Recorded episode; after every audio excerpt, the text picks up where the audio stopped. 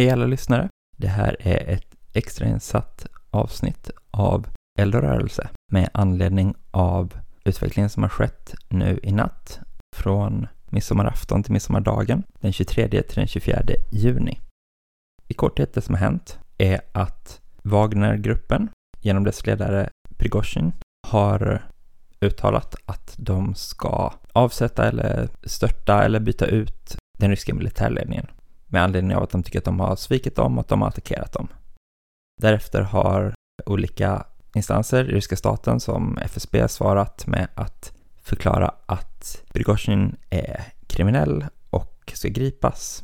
Men nu tidigt på morgonen så har vi sett att det är mycket olika videos och liknande material som pekar väldigt tydligt på att Wagners trupper har återvänt från Ukraina in i Ryssland och framför allt nått fram till Rostovidon som har varit en väldigt central stad för den ryska militären och eh, kriget de bedriver i Ukraina. Där verkar man ha omringat södra militärdistriktets högkvarter utan större motstånd, eventuellt också intagit det. Så det här är ju någon sorts inbördeskrig, uppror, kupp, maktförändring som sker in i Ryssland med då Wagner å ena sidan och å andra sidan den ryska militären. Hur det kommer sluta återstår ju att se och när ni lyssnar på det här så kommer det antagligen ha skett en vidare utveckling och förhoppningsvis så kan vi kanske släppa ytterligare ett extrainsatt avsnitt under dagen. Det här måste man ju såklart förstå som en väldigt viktig utveckling. Utan att veta hur det kommer sluta så kan man ju i alla fall säga att det som minst destabiliserar Ryssland tydligt och man kan tänka sig att det som maximalt skulle kunna leda till ett maktskifte i Ryssland. Man skulle kunna tänka att det leder till att Ryssland ger upp kriget i Ukraina eller att de blir så försvagade att Ukraina nu har möjlighet att göra genombrott och driva ut dem ur Ukraina. I Eldrörelse har vi ju ofta pratat om att vi tyvärr inte ser hur det här kriget skulle kunna ta slut snabbt genom bara Ukrainas motoffensiv till exempel. Men en sån här händelse förändrar ju verkligen grundförutsättningarna för hur konflikten utvecklar sig. Eller har potential att göra det. Hur den slutar vet vi som sagt inte.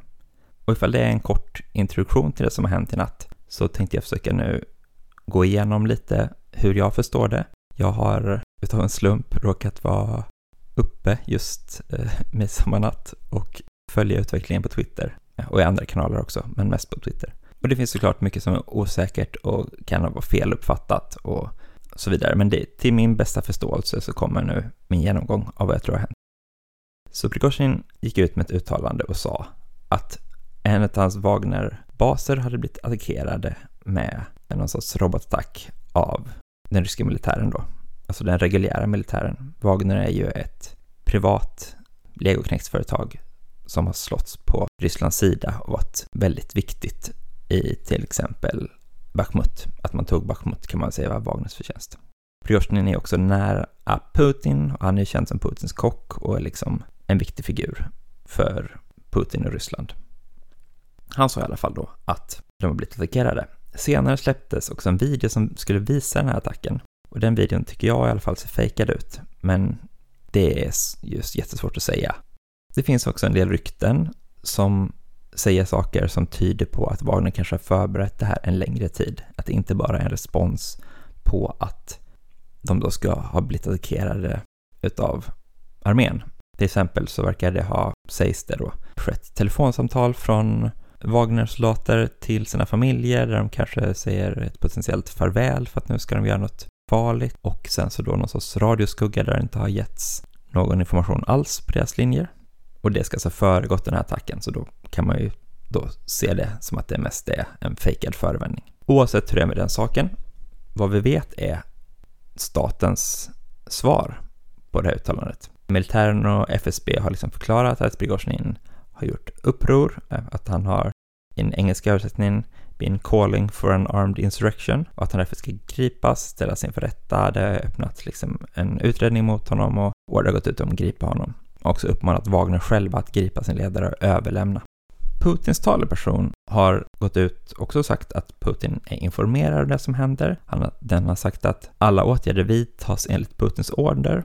Men ingen av de här är ju direkta värdeomdömen där han säger att Wagner har gjort ett stort brott eller någonting. Det är viktigt att hålla i minnet tror jag. Potentiellt i alla fall. Det är också rätt till en rad mer konkreta åtgärder. Till exempel sägs det att Fortress-planen ska vara aktiverad, som är som någon plan för att låsa ner och försvara Moskva. Och vi har sett olika videos och bilder på hur arméns trupper rör sig, främst i Moskva då. Vi har även sett att eh, Rysslands eh, kanal 1 bröt sina ordinarie sändningar med en väldigt kort nyhetsrapport, tre minuter vid ett tillfälle. De kanske gjort fler brott sen, men det här var i alla fall ett sånt.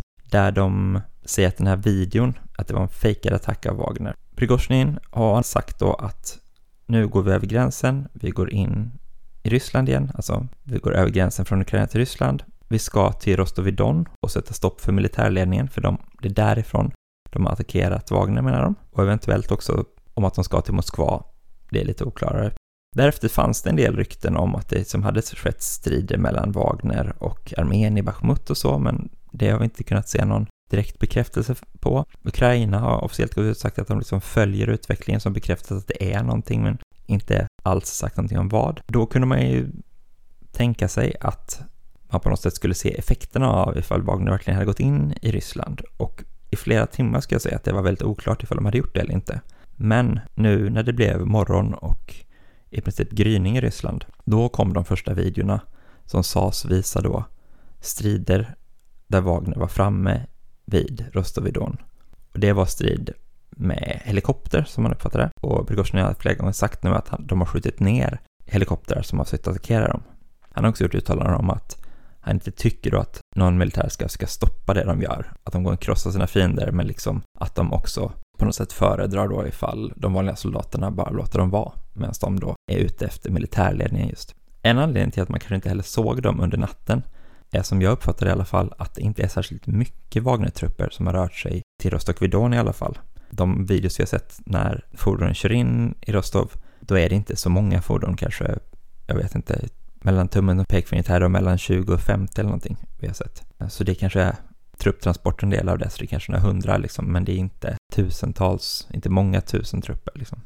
Men de har inte heller mött något direkt motstånd från soldater på marken vad jag har kunnat uppfatta i de här videorna. Det är möjligt att det har skett på ställen där det inte är rapporterat och filmat då, men med tanke på att det här är inne i en stor stad med mycket människor och de videorna man ser där är det människor, civilister som rör sig bland de här militära förbanden och så, och de skulle då haft möjlighet att filma, får man verkligen tänka sig. Utan där har man istället sett till exempel någon sorts militärpoliser som mest verkar stå vid sidan av och kolla på när Wagner kör förbi. Och Wagner verkar då ha kört fram till södra militärdistriktets högkvarter, på något sätt omringat det. De säger att de har intagit det också, det är väl inte bekräftat så tydligt.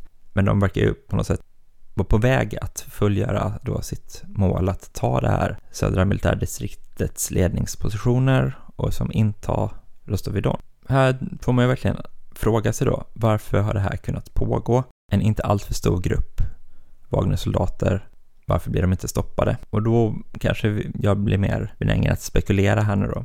Och jag kan tänka mig att det då dels beror på att de kanske inte har mött trupper på marken som kan matcha deras eh, beväpning och ifall det är de här militärpoliserna så kanske inte de vill möta stridsvagnar och sånt. Samtidigt kan man också tänka sig att det kan finnas stora sympatier inom liksom de väpnade styrkorna för Wagner, just för att de har utmärkt sig så mycket och Prigozjin som liksom drivit sin propaganda om att han är den som står upp för Ryssland på riktigt medan militärledningen sviker och att liksom Wagner på något sätt är någon sorts martyrer i kriget i Ukraina som armén inte är villig att göra på samma sätt och framförallt inte arméledningen. Så de kanske har någon sorts respekt och man kanske är rädda för att de är skickliga soldater som kommer liksom vinna en strid. Man vill inte ta en strid mot dem och förlora.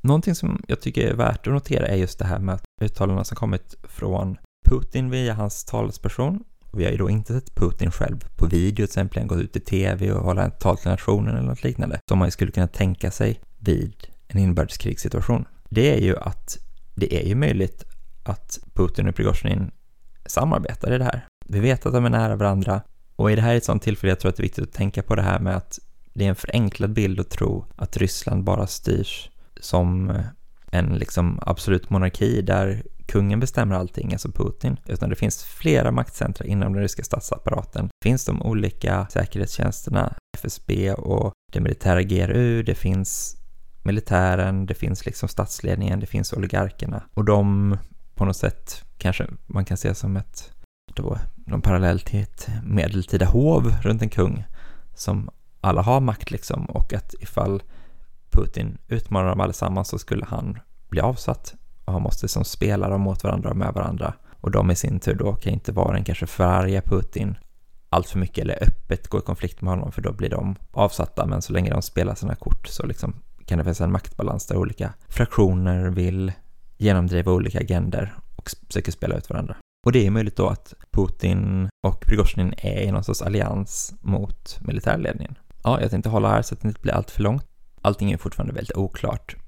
Men jag tror att vi kan säga att det här ändå är en väldigt viktig utveckling för Rysslands framtid och för Ukraina och Rysslands krig i Ukraina och hur det ska sluta. Och att det finns både hopp om att det ska bidra till ett snabbare slut av kriget, men samtidigt kan man ju också se ifall man tänker sig att Wagner är liksom den skickliga och adaptiva delen av militären, eller har som i vissa utsträckningar varit det i alla fall, får de mer att säga till om då kanske Ryssland blir bättre i sitt anfallskrig eller liknande. Det är ju väldigt spekulativt, vad vet jag.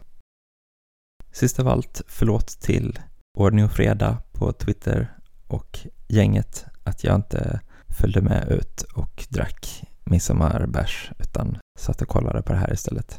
Jag säger som vi brukar säga, ni kan följa oss på Instagram, eld.och.rörelse, på Facebook, Eld och rörelse, eller på Twitter där jag heter att slukhall och Martin som brukar vara med här heter Trojkan1337. Vill ni stötta podden så kan ni hemskt gärna bli Patreons för Radio åt alla eller exempelvis köpa vår tröja på Allt åt allas webbshop. Det här var ju ett litet eh, specialavsnitt. Det kommer som sagt antagligen fler på det här temat. Eh, tack för att ni har lyssnat. Och vi återkommer. Hej då!